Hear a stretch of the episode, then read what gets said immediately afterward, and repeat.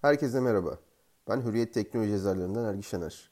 Bu podcastimde sizlerle dünyanın en temel sorunlarından biri haline gelen iklim değişikliğiyle mücadelede öne çıkan teknolojileri ve girişimleri paylaşacağım.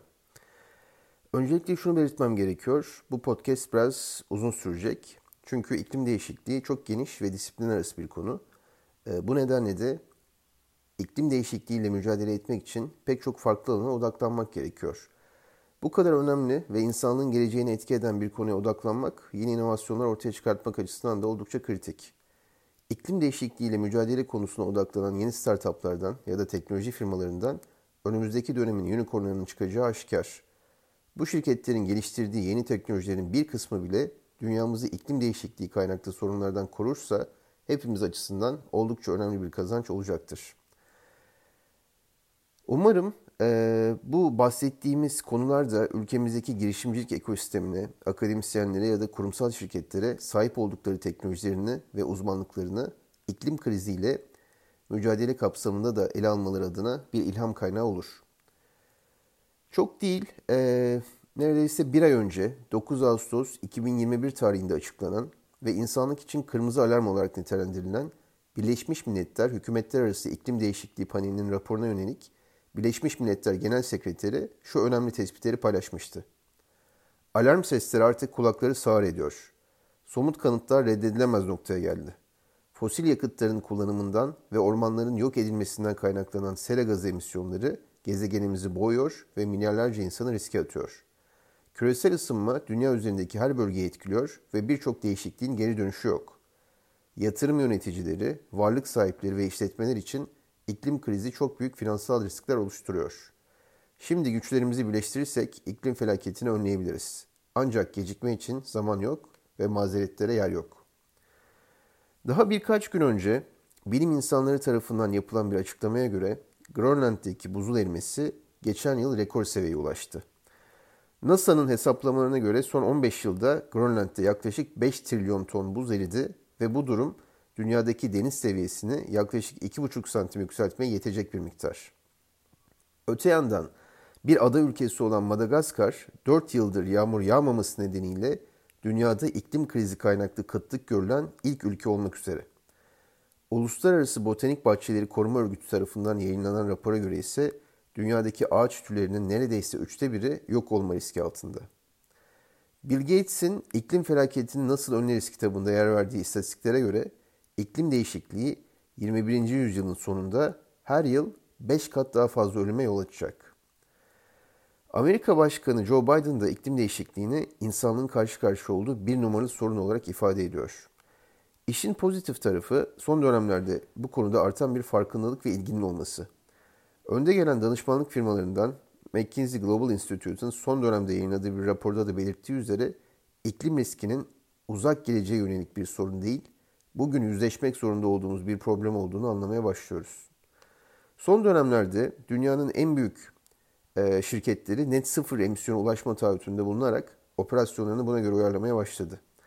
Basitçe söylemek gerekirse net sıfır insan kaynaklı faaliyetler nedeniyle atmosfere salınan ve sera etkisine neden olan karbondioksit, metan, azot oksit gibi gazların miktarını yeryüzü tarafından doğal olarak emilen sera gazı miktarı ile eşitlemek anlamına geliyor. Bir başka ifadeyle net sıfır atmosfere yeni emisyonlar eklememek anlamına geliyor. Salım devam edecek ancak bu durum atmosferden eşdeğer miktarda gaz emilerek dengelenecek.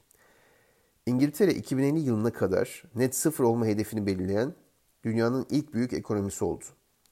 Öte yandan geçtiğimiz yıl dünyanın en büyük varlık yöneticisi 7 trilyon dolarlık varlık yöneticisi olan BlackRock iklim değişikliğini yatırım yatırım stratejisinin merkezine koyduğunu açıkladı.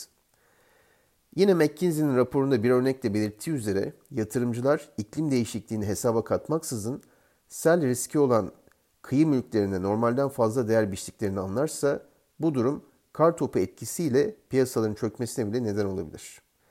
Pek çok hükümetin Merkez Bankası da iklim değişikliğini sistematik bir ekonomik risk olarak görmeye başlayarak bu alanda somut adımlar atmaya başladı. Çünkü iklim değişikliği kaynaklı felaketlerin enflasyonu artıracak etkileri e, olacağı düşünülüyor. Bu söylemler ve aksiyonlar iklim değişikliğinin daha somut bir şekilde ele alınacağına yönelik önemli sinyaller veriyor. Ülkemizde de iklim ve göç bakanlığı kurulması planlanıyor. Son dönemlerde ülkemizin dört bir yanında yaşadığımız doğal afetler iklim değişikliği odaklı yeni bir yapılanmaya ihtiyaç duyulduğunu gösteriyor ve bu alanda da bir takım somut adımlar atılmaya başlandığını e, duymaktayız. Ayrıca bu önemli konunun okullarda da ders olarak planlanmasında, işlenmesinde ve müfredata eklenmesinde de yarar olduğunu düşünüyorum. Şimdi e, gelelim iklim krizi odaklı yeni teknolojilerle nasıl e, bu alanda bir takım çözümler sunulabiliyor. Öne çıkan alanlardan bir tanesi yapay zeka destekli iklim zekası. Şirketlerin iklim değişikliğini stratejik bir öncelik haline getirmesinin bir nedeni de olumsuz hava olaylarının temel operasyonlarına zarar vermeye başlaması ve bu zararın giderek artması. Tedarik zincirlerinde baş gösteren problemler, orman yangınları nedeniyle zorunlu toplu tahliyeler, kıyılara yakın tesisleri su basması, aşırı sıcak nedeniyle açık hava operasyonlarındaki problemler ve belirli bölgelerin daha az yaşanabilir hale gelmesi bu zararlardan sadece bir kısmı. İklim değişikliği kaynaklı problemlere hazırlıklı olmak ve doğru şekilde yanıt vermek için kuruluşların karşılaşabilecekleri risklere yönelik spesifik analizlere ihtiyaçları var. Bu sorunlara karşı önlemler almak sadece geçmiş hava durumlarına bakarak gelecekteki potansiyel riske yönelik değerlendirmeler gerçekleştirme anlamına gelmemeli. Farklı odak alanları için çok sayıda ve çeşitli veriye dayalı öngörü analizlerine yatırım yapmak gerekiyor. Birkaç örnek ile belirtmek gerekirse, bankalar emlak kredisi portföyünü değerlendirirken artan kasırgaların kıyıdaki mülklere verdiği hasar üzerinden bir etki analizi yapmak isterken, bir hükümet artan zorlu hava koşulları karşısında ülkesinin altyapısını güçlendirmek için yatırımlar yapmayı planlayabilir. Uluslararası bir otel zinciri ise yeni yatırımlarını nerede gerçekleştireceğine karar vermeden önce uzun vadeli hava tahminlerini ve iklim değişikliği kaynaklı etkileri daha iyi anlamak isteyebilir. Bu doğrultuda kuruluşların aşırı hava olaylarını daha iyi tahmin etmelerini ve hazırlıklı olmalarını sağlamak için tahmine dayalı analitik platformlar sunan bir dizi iklim zekası girişimi çözümler sunmaya başladı. Japonya'da kurulmuş olan bir startup, toplumun direncini ve depremsel ve diğer doğal afetleri tepkisini modellemek ve simüle etmek için bir platform tasarlamış. Bu platform üzerinden dünyanın doğal ve yapısal ortamlarının dijital ikizini oluşturarak iklim değişikliğinin etkilerini dinamik olarak ve lokasyon bazlı modelliyor. Bu alanda öne çıkan bir başka oyuncu, Londra bazlı bir firma, e, platformlarını açık hale getirerek müşterilerinin risklerini kendileri dışında kimlerin görebildiğine yönelik bir bilgi sağlıyor. Bankalar, sigorta şirketleri gibi. Açık platform ile yaratılan ağ etkisinin riske maruz kalmayı azaltmak için de firmalara yönelik teşvik oluşturması amaçlanıyor. İklim değişikliği ile sigortacılık sektörü de şekil değiştiriyor. İklim zekasına odaklanan girişimler, kuruluşların iklim risklerini daha iyi anlamalarına ve tahmin etmelerine yardımcı olmayı amaçlarken, iklim sigortası odağında faaliyet gösterenler ise kuruluşların kendilerini bu risklerden finansal olarak korumalarına yardımcı olmak için teknolojiden yararlanıyor. Geleneksel sigorta firmaları iklim değişikliğinin yol açtığı yeni finansal riskleri etkili bir şekilde değerlendirmede sorun yaşayabiliyor. Bu nedenle iklim değişikliği kaynaklı riskleri daha doğru analiz etmek ve yeni sigorta ürünleri tasarlamak için alternatif veri kaynaklarından, gerçek zamanlı analitikten ve yapay zekadan yararlanılmaya başlandı. Sigortacılıkta bu yeni girişimlerin stratejilerinin çoğunun merkezinde yer alan inovasyon parametrik sigorta olarak adlandırılıyor. Bu sigorta poliçe sahiplerine meydana gelen fiili zararları tazmin, e, tazmin eden geleneksel sigortadan farklı olarak beklenmeyen doğa olaylarının meydana gelmesi durumunda otomatik olarak belirli bir tutar ödüyor. Parametrik sigorta, sigorta acentelerinin poliçe sahiplerinin kayıplarını değerlendirme ve doğrulama ihtiyacını ortadan kaldırırken belirli parametreler karşılandığında ödemeyi garanti ediyor. Örneğin yağmurun belirli bir miktarın üzerinde yağması, sıcaklığın belirlenen değerin üzerine çıkması, belirli yoğunlukta kasırga olması gibi. Parametrik model sigortayı daha hızlı ve daha kesin ödemelerle daha otomatik, veri odaklı ve şeffaf hale getiriyor. Paris merkezli bir şirket, sel, kuraklık, tedarik zinciri kesintileri, yenilenebilir enerji verimliliği, inşaat sürecindeki kesintiler gibi iklimle ilgili çok çeşitli riskler için parametrik sigorta sunuyor. Firma uydu görüntüleri, nesnelerin interneti sensörleri ve radar gibi çeşitli kaynaklardan gerçek zamanlı olarak veriyi toplayarak parametrik politikalarını iyileştirmek ve izlemek adına makine öğreniminden yararlanıyor. İklim riski için parametrik e, sigorta sunan bir diğer oyuncu sigorta poliçelerini şifrelemek için blok zinciri bazlı akıllı sözleşmeler kullanıyor. Bu sayede taleplerin otomatik olarak 2 hafta veya daha kısa sürede ödenmesi sağlanıyor. Bu kategorideki e, bir diğer girişim de başlangıçta orman yangınlarına odaklanarak iklim değişikliği riski için reassurans sunan ve yapay zekadan yararlanan bir firma. E, bu firma 2020'de Kaliforniya'daki en büyük 14 orman yangının konumlarını başarılı bir şekilde tahmin etmekte dahil olmak üzere orman yangını riski hakkında hiper doğru, hiper yerel tahminler yapabildiğini iddia ediyor. Yapay zeka destekli risk modellemesi sigorta müşterilerine daha rekabetçi fiyatlar sunarak geleneksel reasürans oyuncularına göre %25'in üzerinde daha yüksek getiride sağlıyor. Karbon muhasebesi programları da şirketlerin başvurması gereken araçlar haline geliyor. Bir kuruluş karbon ayak izini azaltmak veya dengelemek için öncelikle karbon ayak izinin ne olduğunu anlamalı. Karbon ayak izi birim karbondioksit cinsinden ölçülen, üretilen sera gazı miktarı açısından insan faaliyetlerinin yıllık bazda çevreye verdiği zararın ölçüsü olarak tanımlanıyor. Karbon ayak izi iki ana parçadan oluşuyor. Doğrudan birincil ayak izi ve dolaylı ikincil ayak izi. Birincil ayak izi evsel enerji tüketimi ve ulaşım dahil olmak üzere fosil yakıtlarının yanmasından ortaya çıkan e, doğrudan karbondioksit emisyonlarının ölçüsünü belirtirken ikinci ayak izi kullandığımız ürünlerin tüm yaşam döngüsünden bu ürünlerin imalatı ve en sonunda bozulmalarıyla ilgili olan dolaylı karbondioksit emisyonlarının ölçüsünü ifade ediyor. Bir şirketin karbon ayak izi ise 3 kategoriye ayrılıyor. Şirketin kendi operasyonundan kaynaklanan doğrudan emisyonlar, kapsam 1 emisyonlar olarak biliniyor. Şirketin kullandığı elektriği üretmek için gereken emisyonlar, kapsam 2 ve ölçülmesi en zor olan emisyonlar, kapsam 3. Yani tedarikçilerden müşterilere kadar şirketin ürünlerinin değer zinciri boyunca üretiminden ve tüketiminden kaynaklı emisyonlar. Kuruluşların 3 kapsamı da içeren karbon emisyonlarını ölçmelerine ve izlemelerine yardımcı olacak karbon muhasebe programları geliştiren girişimler de mevcut. Karbon muhasebe platformu geliştiren startuplardan birinin kurucusu iklimi bir veri problemi olarak görüyor ve şirketlerin hızlı bir şekilde net sıfır emisyon hedeflerine yardımcı olan bir yazılım platformu sağladıklarını iddia ediyor. Bu doğrultuda bir şirketin tüm karbon ayak izi, kapsam 3 emisyonları dahil analiz edilerek şirketlerin iklim programı yürütmeleri için gerekli araçlar temin ediliyor net sıfıra ulaşmak için somut bir plan hazırlıyor ve ilerlemeyi paydaşlara bildiriyor. Bu tarz girişimlerin karşılaştığı temel e, zorluğu veri kalitesi ve doğruluğu oluşturuyor. Özellikle kapsam 3 emisyonları hakkında güvenilir veri toplamak son derece zor olabiliyor. Başka bir diğer odak karbon offsetler yani karbon dengesi karbon nötr bir dünyaya destek oluyor. Pek çok ülke iklim stratejileri belirleyerek bu stratejileri resmi olarak paylaşma yarışında. Japonya net sera gazı emisyonlarını 2050 yılına kadar sıfıra indirme sözü vermişti. Joe Biden'ın başkanlık seçimi öncesi en büyük vaatlerinden biri 2050 yılına kadar Amerika'yı karbon nötr hale getirme sözüydü. Çin ve Güney Kore de ekonomilerinin karbon nötr olacağını açıklamıştı.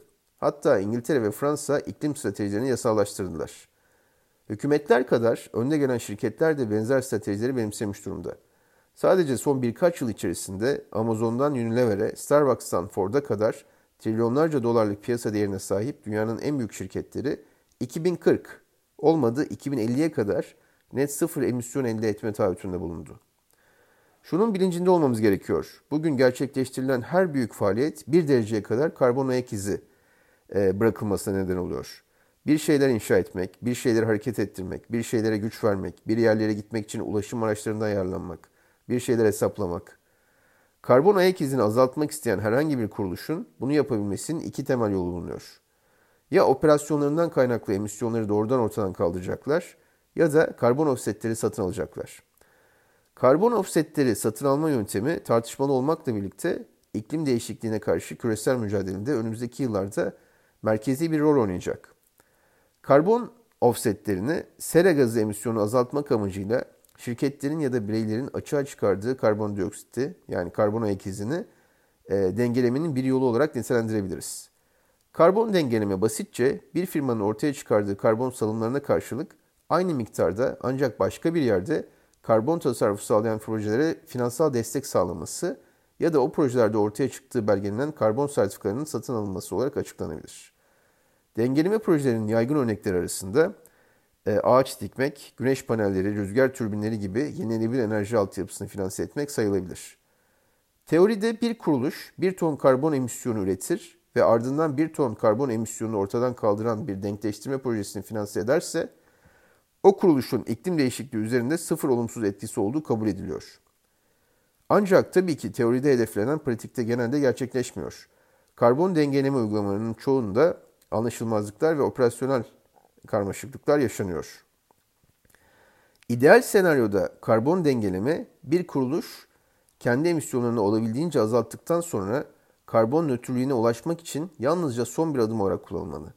Aksi takdirde dengelemeler tek başına bir strateji olarak bizi asla sıfır karbonlu bir dünyaya götürmez. Yine de kısa vadede karbon dengelemelerinin emisyonları azaltmak için önemli bir araç olduğunu unutmamamız gerekiyor. Özellikle bazı temel faaliyetlerin, örneğin hava yolu ulaşımı ve ağır sanayi gibi temel teknolojik nedenlerle yakın zamanda karbonsuz olma ihtimalinin düşük olduğu düşünüldüğünde çoğu kuruluş için net sıfır emisyon ulaşmanın tek yolu e, dengelemeler oluşturuyor. Karbon offsetleriyle ilgili daha büyük bir sorun bunların ölçeklendirilmesinin oldukça zor olması. Bir karbon dengeleme projesinin meşruiyetinin doğrulanması operasyon açıdan oldukça karmaşık. Örneğin bir ağacın gerçekten dikilip dikilmediğinin kontrolü, dikildiyse yaşam döngüsünün kontrolü, ağacın hayatta kalıp kalmadığı ve zamanla büyümeye devam edip etmediği sürekli olarak takip edilmesi gereken konular. Bu zorluklar bugüne kadar offset piyasasının gelişmesinde sınırlayan problemler. Bu zorlukların üstesinden gelerek karbon denkleştirme pazarını düzene koymak, dijitalleştirmek ve otomatikleştirmek için teknolojiden yararlanan pek çok heyecan verici girişim ortaya çıkmaya başladı. Bu girişimlerden bazıları ağaçlandırma odağında yapay zeka tabanlı karbon dengeleme pazar yerleri geliştiriyor. Şirketler ormanlardaki ağaçlarda depolanan karbonu otomatik olarak tahmin etmek ve platformlarındaki karbon dengeleme projelerinin bütünlüğünü sürekli olarak izlemek için hava görüntülerinden, sensör verilerinden ve görüntü işlemeden yararlanıyor. Bu kategoride öne çıkan başka bir firma platformu ile karbon offsetlerini yönetmenin karmaşıklığını ortadan kaldırmak için offset projelerini erişilebilir hale getiriyor. Firma müşterilerinin karbon ayak izlerini basitçe hesaplamalarını sağlayıp bu ayak iziyle ilişkili eşdeğer karbondioksit emisyonunu yakalayan dengeleme projelerini belirleyip finanse etmelerine aracılık ediyor. İklim değişikliğiyle mücadelenin temel anahtarlarından bir tanesi yenilenebilir enerji. Sıfır emisyon, karbon nötr hedeflerine erişmek için en somut adımı yenilenebilir enerji yatırımlarını artırmak oluşturuyor. Tabii ki hedefleri belirlemek yerine getirmekten çok daha kolay. Bugün hala dünyamızın endüstriyel enerjisinin çoğu e, fosil yakıtlardan geliyor. Yenilenebilir çözümlerin dünya enerjisindeki toplam payı istenilen seviyede değil. Bununla birlikte hedefleri doğru belirleyip bunları doğru icra eden, iklimi koruyan teknolojilere sahip firmaların hisse değerleri hızla yükseliyor. Bu alanda ilk akla gelen ve bayrağı çok iyi temsil eden firmaların, firmaların başında Tesla geliyor. Tesla'nın değeri e, ondan sonraki en büyük 3 otomotiv e, üreticisinin toplamını geçerek 800 milyar doları aşmış vaziyette. Öte yandan bir temiz enerji kuruluşu olan e, Next Era, ExxonMobil'i geçerek Amerika'daki en büyük enerji şirketi oldu. Son 4 yılda bu alandaki yatırımlar iki kattan fazla artış gösterdi. Yenilenebilir enerjiye geçiş ve fosil yakıtlara olan bağımlılığın azaltılması iklim değişikliğinin etkilerini yavaşlatmanın önemli bir yolu. Dahası yenilenebilir enerjiler, yenilenebilir teknolojiler müşterilerin giderek daha fazla tasarruf etmesini de sağlayabiliyor. Rüzgar ve güneş enerjisi son 10 yılda kayda değer bir büyüme ve büyük maliyet iyileştirmeleri sağladı. Aklımıza ilk e, rüzgar ve güneş geliyor ama akıntı enerjisi, gelgit enerjisi, jeotermal ve lav enerjisi de gelişmekte olan e, diğer yenilenebilir enerji çözümlerinden sadece birkaçı. Binalar dünyanın toplam karbon emisyonunun yaklaşık beşte birini üretiyor. Evet, çalıştığımız ya da oturduğumuz binalardan bahsediyoruz. Binalarımızı daha verimli hale getirmek, iklim değişikliğiyle mücadelede çok önemli bir konu. İyi haber, mevcut e, birçok bir, binanın karbon ayak izi güçlendirme stratejileriyle %90'a kadar azaltılabiliyor. Binalarda emisyon azaltımı için en büyük fırsat ısıtma, iklimlendirme ve havalandırma sistemleri. Binaların ısıtılması ve soğutulması inanılmaz derecede enerji yoğun ve binaların tükettiği enerjinin yaklaşık yarısını oluşturuyor. Google'ın derin öğrenme şirketi DeepMind 2016'da Google'ın devasa deri merkezlerinde enerji verimliliğini artırmaya amaçlayan bir çalışmayla makine öğreniminin e, ısıtma soğutma sistemlerine uygulanmasına öncülük etti. Veri merkezlerinin soğutma sistemlerini optimize etmek için derin öğrenmeyi kullanan DeepMind, tesislerin toplam enerji tüketimini %40'a kadar azaltmayı başardı. Veri merkezlerinin toplam sera gazı emisyonlarının %2'sinden sorumlu olduğu düşündüğünde bu önemli bir sonuç. Binalar için e, bu tarz optimizasyon çözümleri geliştiren startuplar da mevcut. Montreal merkezli bir firma binanın ısıtma ve soğutma ayarlarında hassas, yerel, gerçek zamanlı ayarlamalar yaparak binanın karbon ayak izini birkaç ay içinde %20 ila 40 oranında azaltabileceğini iddia ediyor.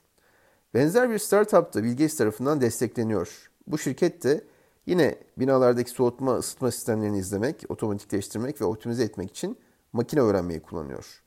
Bu şirketlerin teklifleri sadece karbon emisyonunu azaltmakta kalmıyor, aynı zamanda bina operatörlerinin maliyetlerini de azaltıyor. Tarım, dünyadaki sera gazı emisyonlarının %10 ila 15'ini oluşturan iklim değişikliğinin önemli bir itici gücü. Tarım, kaynak yoğun ve savurgan bir sektör. Örneğin her yıl tarımsal faaliyetler için 200 milyon tonun üzerinde gübre kullanılıyor ve bunların milyonlarcası yanlış ve aşırı uygulama nedeniyle boşa gidiyor.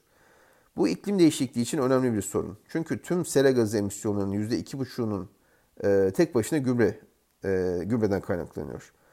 Daha da kötüsü gübrelerin ürettiği sera gazı atmosferi karbondioksitten yaklaşık 300 kat daha fazla ısıtıyor. Gıda verimini artırırken karbon ayak izini azaltarak tarımı daha verimli hale getirme noktasında dijital teknolojiler büyük fırsatlar sunuyor.